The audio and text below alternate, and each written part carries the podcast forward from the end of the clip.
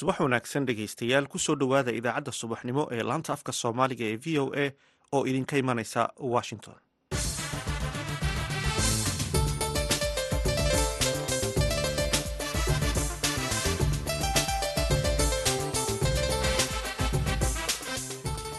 waa aroor sabti ah bisha februarina waa afar sannadka labada kun saddex iyo labaatanka. Waxaad naga dhagaysanaysaan muwjadaha gaagaaban ee lix iyo tobanka iyo sagaal iyo tobanka mitrban iyo boggeen internetka ee v o a somaly com. Saacadda afrikada bari waa lixdiiyo barkii subaxnimo. Idaacadda saaka iyo caalamkana waxaa idinla socodsiinaya anigoo ah xuseen barre aadan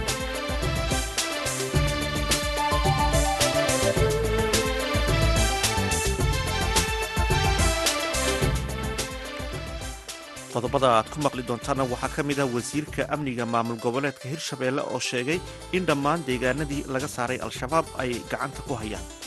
Dhammaan deegaanadii argagixisada imaga cadowga ah laga saaray ee dowladda hirshabeelle waxaa gacanta ku hayo oo joogo ciidanka dowladda iyo ciidanka amniga dowladda hirshabeelle iyo ciidamada deegaanka waxaa kale oo aad maqli doontaan xukuumadda etoobiya iyo hogaamiyaasha jabhadda t b l f oo markii ugu horraysay kulmay. Sidoo kale waxaan idiin haynaa wasiirka arrimaha dibadda maraykanka oo dib u dhigay safar uu ku tegi lahaa dalka shiinaha iyo qodobo kale. Marka horese waxaad ku soo dhowaataan warkii dunida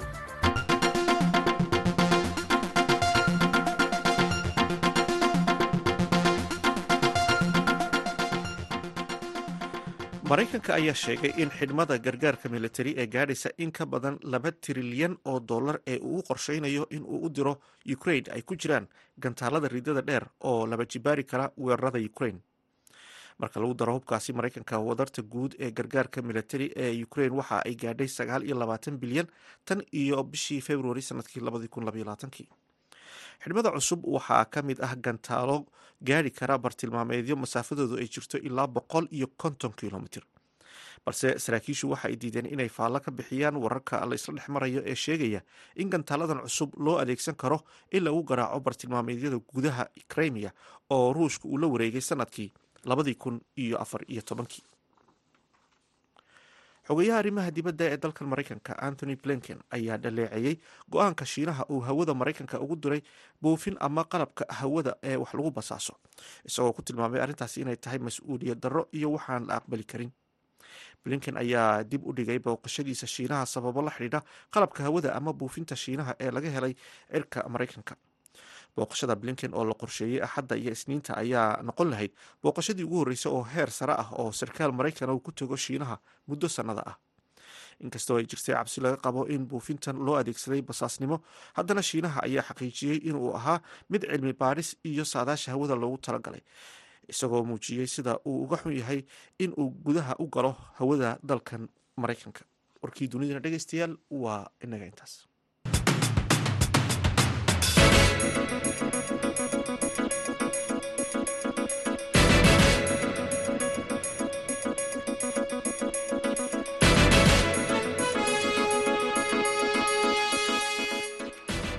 subax wanaagsan dhegeystayaal halkaad nagala socotaan waa laanta af soomaaliga idaacadda v o a oo si toosa idinka imanaysa washington. Maalmihii la soo dhaafay maleeshiya ka tirsan ururka al-shabaab ayaa waxay weerar ku soo qaadayeen deegaano u dhexeeya degmooyinka beledweyne iyo buulo burte ee gobolka hiiraan dhulkaas oo hore kooxda gacanteeda looga saaray. Ciidamada dowladda iyo kuwa qabaa'ilka deegaanka ayaa dhowr jeer kula dagaalamay deegaanada beerxaano iyo taranjento oo uu maro jidka laamiga ah sidaa kalena ku dhow webiga shabeelle al-shabaab waxa ay weli maamulaan dhul ballaaran oo ku yaalla galbeedka gobolka hiiraan. Maamulka shabeelle ayaa sheegay in bisha maarj ee soo socota la bilaabi doono howlgal dib ay ugu qabsanayaan deegaanadaasi. Haddaba maxaa keenay in al-shabaab ay mar kale ku soo dhiiradaan in ay weeraro ku soo qaadaan dhulka gacantooda ka baxay? Muxuuse yahay qorshaha uga yaalla dowlad goboleedka hirshabeelle difaaca dhulkaasi su'aalahaasi iyo kuwo kale ayuu wariyaha v o eda ee muqdisho cabdilcasiis barrow waxa uu weydiiyey wasiirka amniga ee hirshabeelle maxamed cabdiraxmaan khayre. Cabdicasiiso waa maasan tahay sida aad la socotid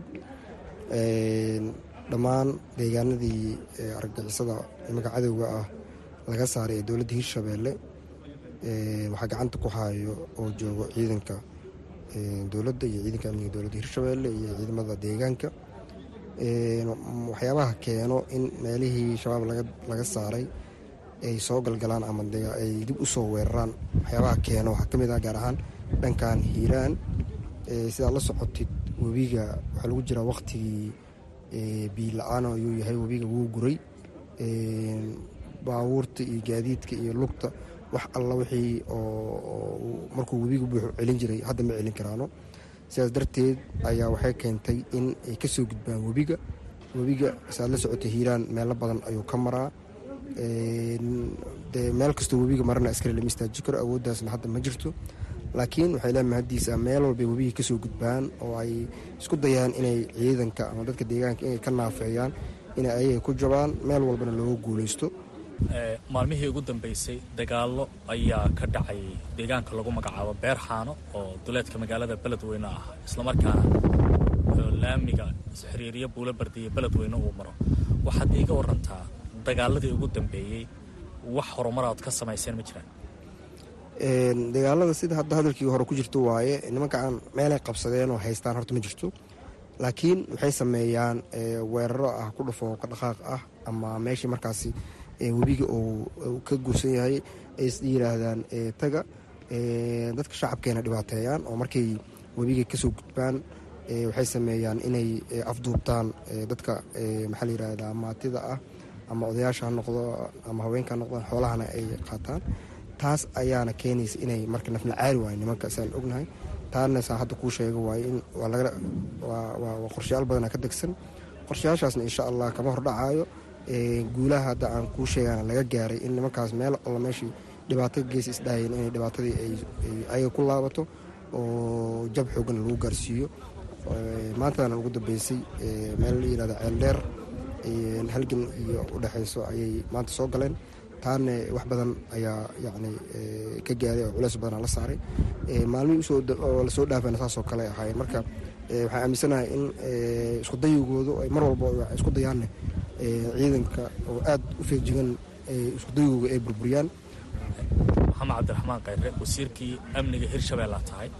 Waxaad iiga warantaa sida hadda muuqata dagaalka dhinaca galbeedka webiga ayay ka soo qaadayaan deegaanadii aad ka saarteen bariga webiga ku yaallay ku soo qaadayaan. Maxaa idinkaga qorshaysan deegaanada hadda gacantay ku hayaan oo weerarka uga imaanaya dhulka aad qabateen? Wax qorshaa oo hirshabeelle uga yaalla ama dowladda dhexe aad kala kaashanaysaan ood nala wadaagi karta ma jiraan horta saa og tahay dagaalka iska kaashanayso oo ay hogaaminayso dowladda ciidanka dowladda federaalka iyo maxaa la yirahdaa dowlad goboleedyada hadda hirshabelle iyo galmudug dagaalka wuxuu ahaa wejiga koowaad waxaa soo dhammaaday oo gabagaba maraya wejiga koowaad ee dagaalka oo ku socday bariga labada gobol ee hirshabeelle iyo galmudug maxaa la yirahdaa hadda bariga labada gobol ee hirshabeelle dhammaan waa xor oo cadowga waa laga kiciyey.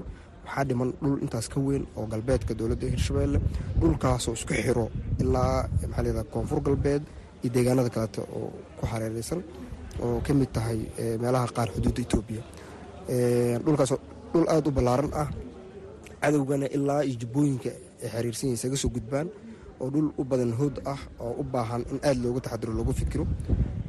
Wejiga labaad qorshihiisa wuu gabagabo dowladda soomaaliyeed iyo goboleedka hirshabeelle iyo dhammaan saaxiibadooda kale oo caalamiga ahba waa oberetionka labaad oo loo diyaar garoobay. Waxaan rajeynayaa inuu bilaamo maarso ka hor.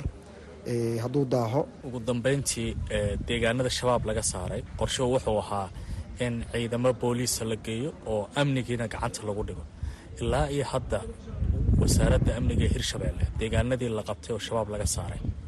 Wax aad geyseen oo ciidan iyo nidaam dowladeeda oo amniga la xiriiro ka shaqeynaya ma jiraan waa macsan tahay horta waxaa socdo howlgalkan waxaa barbar socdo barnaamij loo yaqaan stabilisation ama xasilin. Xasilinta micneheedu waxaa waa dadka in adeegyadii dowladda la gaarsiiyo. Oo ay ka mid tahay booliskii heedihii amniga oo booliska ugu horeeyo maxkamadihii oo cadaaladii iyo xabsiyadii la socdo sidoo kale in la gaarsiiyo waxyaabihii adeegyadii kaleeto ay bini-aadinimo ay u baahan haddii aan lahayd gargaar iyo haddii aan lahayd waxyaabihii oo adeegyadii dowladda ama qofka biniadanka u baahnaa oo caafimaadkii waxbarashadii. Annaga hadda deegaanada magaalooyinka waaweyn oo laga saaray nimankaas cadowga ah hay'adaha amniga way ka howlgalaan waa la geeyey.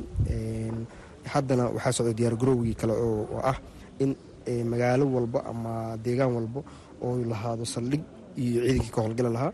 Qorshahaas waa qorshe aad u ballaaro oo dhaqaale badan oo xoogana ku baxaayo.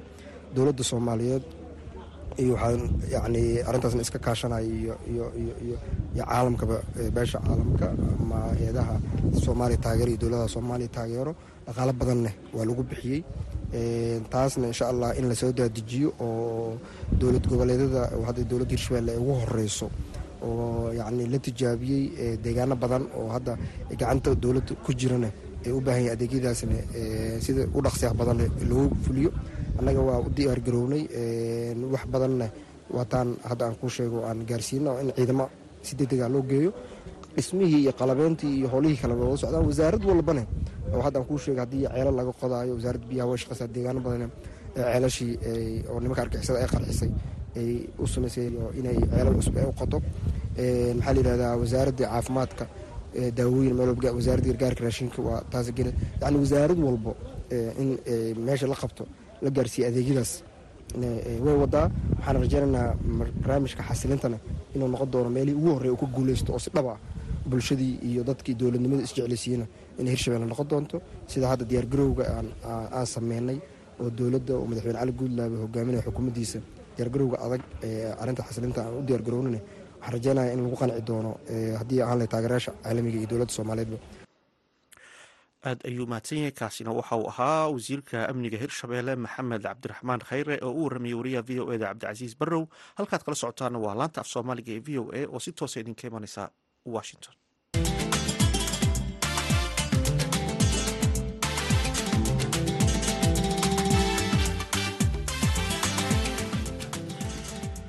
halkaad weli nagala socotaan waa laanta af soomaaliga ee v o a. Magaalada nairobi waxaa kulan ku yeeshay mas'uuliyiin kala duwan oo isugu jira siyaasiyiin iyo madax dhaqameed kuwaasi oo ka wada hadlay sidii nabad loogu soo dabaali lahaa colaad ka aloosan deegaanka galinsoor. Warbixin arrintan ku saabsan waxaa nairobi inooga soo diray wariyaha v o eda khadar maxamuud xareed mas'uuliyiin ka tirsan dowladda soomaaliya oo isugu jira mas'uuliyiin horey xilal kala duwan oga soo qabtay dowladda dhexe iyo kuwo ka tirsan dowlad goboleedka galmudug ayaa magaalada nairobi ee dalka kenya ka wada dadaallo xoogan oo ku aadan. Sidii jaaliyadda soomaaliyeed iyo qurba joogtu ay uga qayb qaadan lahaayeen xal u helidda iyo dib u heshiisiinta colaadda u dhexaysa laba beelood oo walaalo ah kuwaasoo in ka badan soddonkii sano ee la soo dhaafay ku dagaalamayay deegaanka galinsoor ee gobolka mudug ee soomaaliya. Dadaaladan ayaa daba socda kadib markii madaxweynaha dowlad goboleedka galmudug axmed qoorqoor uu dhowaan ku dhawaaqay dib u heshiisiin dhab ah oo laga hergeliyo deegaanadaasi ugu horeyn ayaa waxaa kulankan taageerada loogu raadinayay xal u helidda beelaha ku dagaalamayay gobolka mudug ee magaalada nairobi lagu qabtay. Ayaa waxaa baaq nabadeed ka soo saaray odayaal uu ka mid yahay suldaan beyle cumar. Markaan wada hadalay waxaan ku qanacnay warkii nabaddii baaqa gogasha la dhigi doono galinsoor. Hordhaceedii weeye waxaa laydiin soo diri doonaa guddi la soo xulay oo labada dhana oo nairobi ka soo baxa iyo wixii lagu heshiiyey oo go'aamada ahaa oo ahaa kuwa nabaddu ka dhab. Meel kastoo ay joogto nabaddaas qaata soo dhoweeya afartan iyo laba sano baa dagaalkeennu socdaa. Magaciisii waxaa loo baxshay dagaalkii nasiib darrada. Marka nasiib darradii baan ka korray rag nabaddu ka dhab tahay oo run ka tahay baan maanta la kulannay waa la qaadanay adinkuna soo dhoweeya taliyihii hore ee ciidanka xoogga dalka soomaaliya jenaraal cabdiweli jaamac gorod oo ka mid ah dadka dadaalada nabadeed ka wada deegaanka galinsoor ee galmudug ayaa ku baaqay in si wada jir ah looga wada qayb qaato dadaalada nabadeed ee ka socda deegaanada galmudug ee la doonayo in xal waara looga gaadho colaadihii sokeeye shirkan wuxuu daba joogaa shirar hore dhacay wuxuuna taageerhayaa oo rabaa inuu la geeyo nuxurkiisa ee maamulka galmudug ilaahay idibkiisa madaxweynaha wuxuu ku dhawaaqay in shir la qaban doono gogol la dhigi doono gogoshaasna la geyn doono gallisoor haddii ilaahay yidhaahdo ayadaas ayuu taageerhayaa. Marka waxaan u baahannahay dadkana dhegaysanhayaa inay arrinta u arkaan in isu meel wax lagu wado.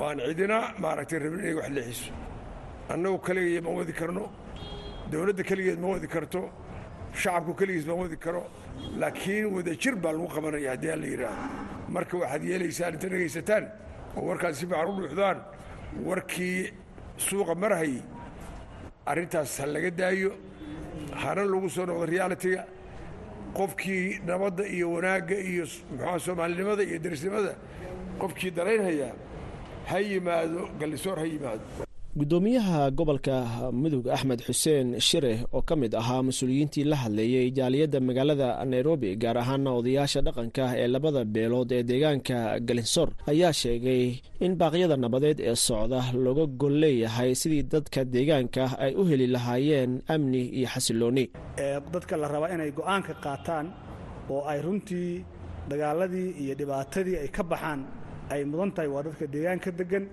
ayaga ayaa danahooda iyo maslaxaddooda laga shaqaynhayaa waxaan rajaynhayaa wixii socday. Afartankii sano aan soo dhaafnay waxay ku tahay diinta islaamka ceeb waxay ku tahay dadka deegaanka deggan ceeb waxay ku tahay maamulada meesha ka jira ceeb waxay ku tahay dadka wada dhashay oo khaasatan eriyadaas deggan ayay ceeb ku tahay. Waxaan rajaynhayaa baaqa iyo nabadda inaan kulligeen u dhaganuglaanno oo aan raacno ugu dambeyntii wasiir ku-xigeenka amniga galmudug cali baashi cabdulaahi ayaa ka hadlay sida ay jaaliyadaha soomaaliyeed ee dalka dibaddiisa ku nool ay muhiim ugu yihiin dib u heshiisiinta iyo xasilinta dhinaca amniga ee waddanka. Nabadda marka la doonayana meel walba inay gaarto oo meel walba looga hadlo oo jaaliyaddu joogto waa muhiim. Waxaan ku boorinnay jaaliyadda halkaana inay baaqdiraan. Waxaan ku boorinnay inay u istaagaan nabadda iyo amniga iska kaashadaan. Waxaan ku boorinay ayaguna runtii aad bay u soo dhoweeyeen. Waxayna u diyaar garoobeen oo mar hore iyo mar dambaba diyaar u ahaayeen inay qaataan nabad ku baaqaan inay amniga wax ka qabtaan inay diyaar gareeyaan. Ergadii ka qayb qaadan lahayd gogashaas galinsoor loo ballansan yahay. Madaxweynaha galmudug mudan axmed cabdikaariyo qoorqoor uu ku baaqay. Sidaa la socotaana galmudug dagaallo waxay ku jirtaa kula jirto nabaddiidka gogashaasuna waxaan filayaa insha allahu tacaala dagaaladan waa soo gebagabaynaynaaye marka dagaaladaas soo gebagabaan wixii ka dambeeya inay gogashaasu dhacdo haddii ilaahay idmo. Ka wasaarad ahaan galmudug aniga wasiirkuba waxaan u istaagnay nabaddan inaan xoog gacan weyn ka siino odayaasha dhaqanka iyo salaadiinta inay wax ka qabtaan amniga. Waana waana midda aan u tagnay xuduudaha maamulka galmudug uu la leeyahay dowlad deegaanka iyo walaalaheen maamulka puntland oo runtii aan leenahay wada shaqayn amni. Khadar maxamuud xareed v o a nairobi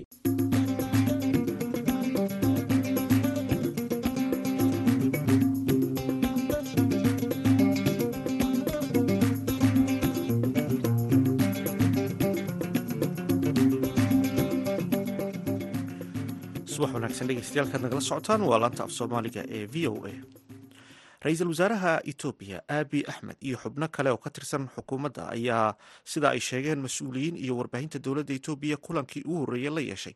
Hogaamiyaasha tigreyga tan iyo markii heshiiskii nabadeed la gaadhay bishii nofembar warbixinta wakaaladda wararka ee b arrintan ka qortay waxaa inoo soo jeedinaya cabdixakiin shirwac labada dhinac ayaa isla qiimeeyay tallaabooyinka ilaa iyo hadda ka hirgalay heshiisyadii lagu gaadhay britoria iyo nairobi islamarkaana falanqeeyey ee mawduucyo u baahan in ildheeriya lagu eego sida ay sheegtay warbaahinta etoobiya kulanka ayaa sida la sheegay ee ka dhacaya goob lagu nasto oo ku taalla koonfurta dalkaasi etoobiya heshiis nabadeed oo ay wada gaadheen xukuumadda abiy iyo t b l f laguna saxeexay caasimada dalka koonfur afrika ee britoria bishii nofembar ee sannadkii hore ayaa aamusiiyey hubkii waqooyiga dalka etoobiya qodobada heshiiska ayaa t b l f ay ku ogolaatay inay hub ka dhigto oo ay dib u dhisaan maamulka xukuumadda federaalka iyagoo taasi ku bedelanaya in la soo celiyo in loo gudbo tigrey oo si weyn uga xayirnaa dunida inteeda kale labadii sannadood ee dagaalka.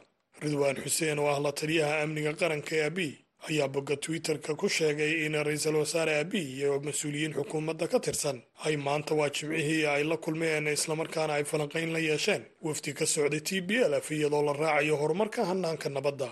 Waxaa kaloo uu qoraalkaasi twitterka ku yidhi iyadoo taasi ay keentay in ra'iisul wasaare abiy axmed uu gudbiyey go'aanada lagu kordhinayo duulimaadyada bangiyada iyo arrimaha kale ee xoojinaya aaminaadda islamarkaana xasilinaya rayidka tan iyo markii heshiiska la saxeexa ayaa waxaa jiray qulqul xadidan oo ah geynta kaalmada tigrey oo muddo dheer waajahaya gabaabsiga cuntada shidaalka lacagta iyo weliba daawooyinka. Adeegyada asaasiga ah sida isgaadhsiinta bangiyada iyo weliba korontada ayaa si qunyar ah dib ugu soo laabtay lixdan milyan ee qof ee dhibaataysan ee tigrey iyadoo diyaaradda ethiopian airlinesna dib u bilowday duulimaadyadeedii ganacsi ee ay ugu kala gooshi jirtay addisababa iyo caasimada tigrey ee maqalla bishii hore xilli t b lf ay shaacisay inay bilowday inay hub ka dhigto. Ayay dadka deegaanka iyo weliba howlwadeennada gargaar kuba sheegeen in ciidamada eriteria iyo weliba xoogaga gobolka jaarka laah ee amxaaradu ay weli ku sugan yihiin qaybo ka mida tigrey iyagoo ku eedeeyey dil kufsi iyo weliba dhac. Gelitaanka tigrey ayaa xayiraana suurtagalna ma aha in si madax bannaan loo xaqiijiyo xaaladda halkaasi ka jirta aad ayuu mahadsan yahay cabdixakiin maxamuud shirwaac oo inala socodsiinaya warbixintaasi. Ay diyaarisay wakaaladda wararka ee f b halkaad kala socotaana waa laanta afka soomaaliga ee v o a oo si toosa idinka imanaysa washington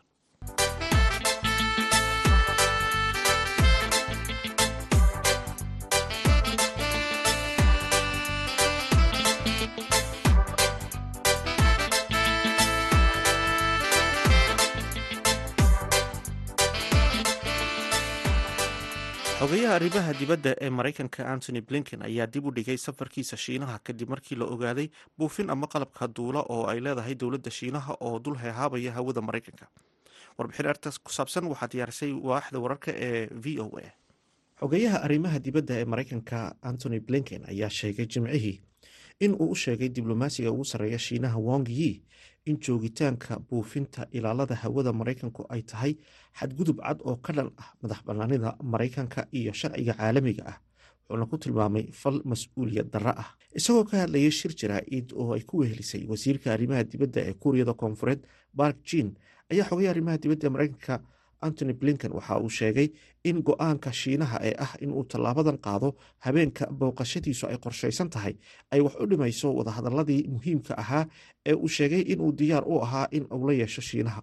Antony blinken ayaa sheegay in maraykanku ay weli ka go-an tahay la shaqaynta shiinaha waxaana intaasi ku daray in uu booqan doono shiinaha marka shuruudahan la ogolaado horaantii jimcihii sarkaal sare oo ka tirsan waaxda arrimaha dibadda ee maraykanka ayaa sheegay in maraykanku uu soo gebagabeeyey in shuruudaha xilligan aanay sax ahayn in xogeeye blinken uu u safro shiinaha. Sarkaalkan ayaa sheegay in go'aankan uu dhacay kadib la tashiyo lala yeeshay hay'ado ka tirsan maamulka maraykanka iyo koongareska xogeeye arrimaha dibadda ee maraykanka antony blinken ayaa la filayay in uu u ambabaxo beijing si uu la kulmo hogaamiyaha shiinaha shi jinping iyo madax sare oo kale. Laakiin ma aanay sheegin saraakiishu xilliga la filayo in dib loo sii amba qaado booqashadaasi baaqatay. Sarkaal sare oo ka tirsan waaxda arrimaha dibadda ee maraykanka ayaa sheegay in ay sii wadi doonaan khadadka isgaarsiinta ee shiinaha si wax looga qabto walaaca ka dhashay dhacdadan dowladda shiinaha ayaa qiratay jimcihii in ay iyadu leedahay buufinta ay saraakiisha maraykanku ogaadeen inay ku jirtay hawada maraykanka laga soo bilaabo gobolka alaska ilaa iyo gobolka montana maalmihii la soo dhaafay.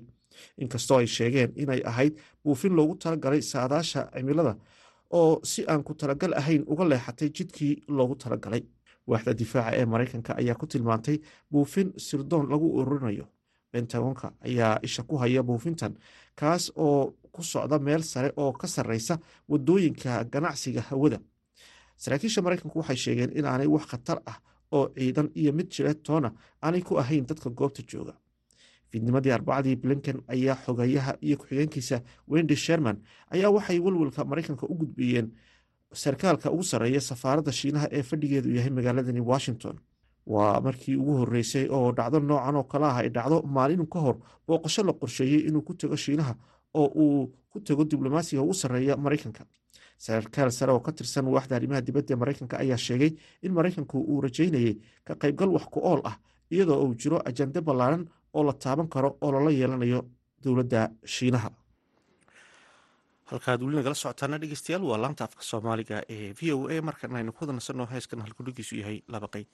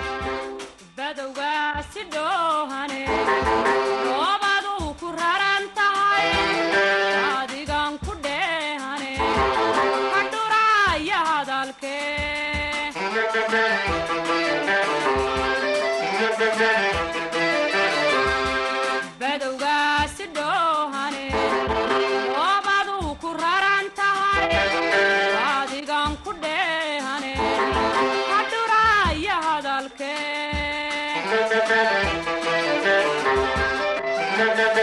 you.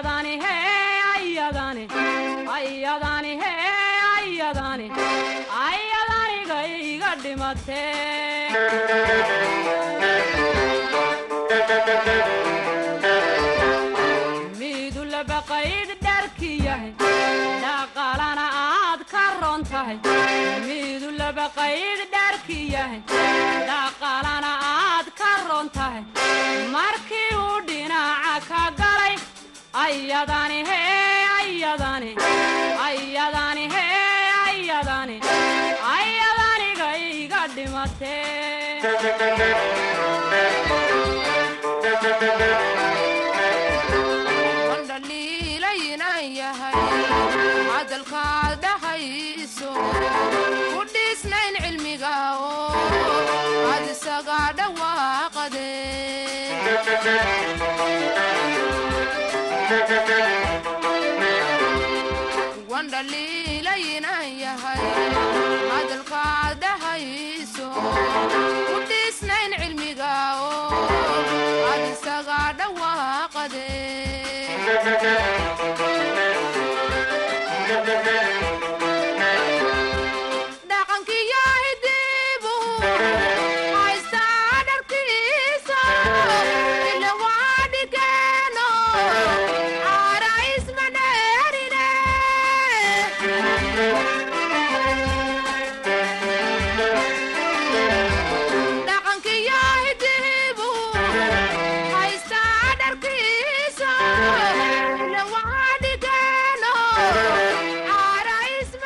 heeskaas ayaan dhegeystayaal ku soo gabagabeyn baahinteena idaacadeed oo si toosa idinka imanaysa laanta af soomaaliga ee v o a tan iyo tobantodobe waa dhammaan bahda laanta af soomaaliga v o a mila sidaas iyo subax wacno wanaagsan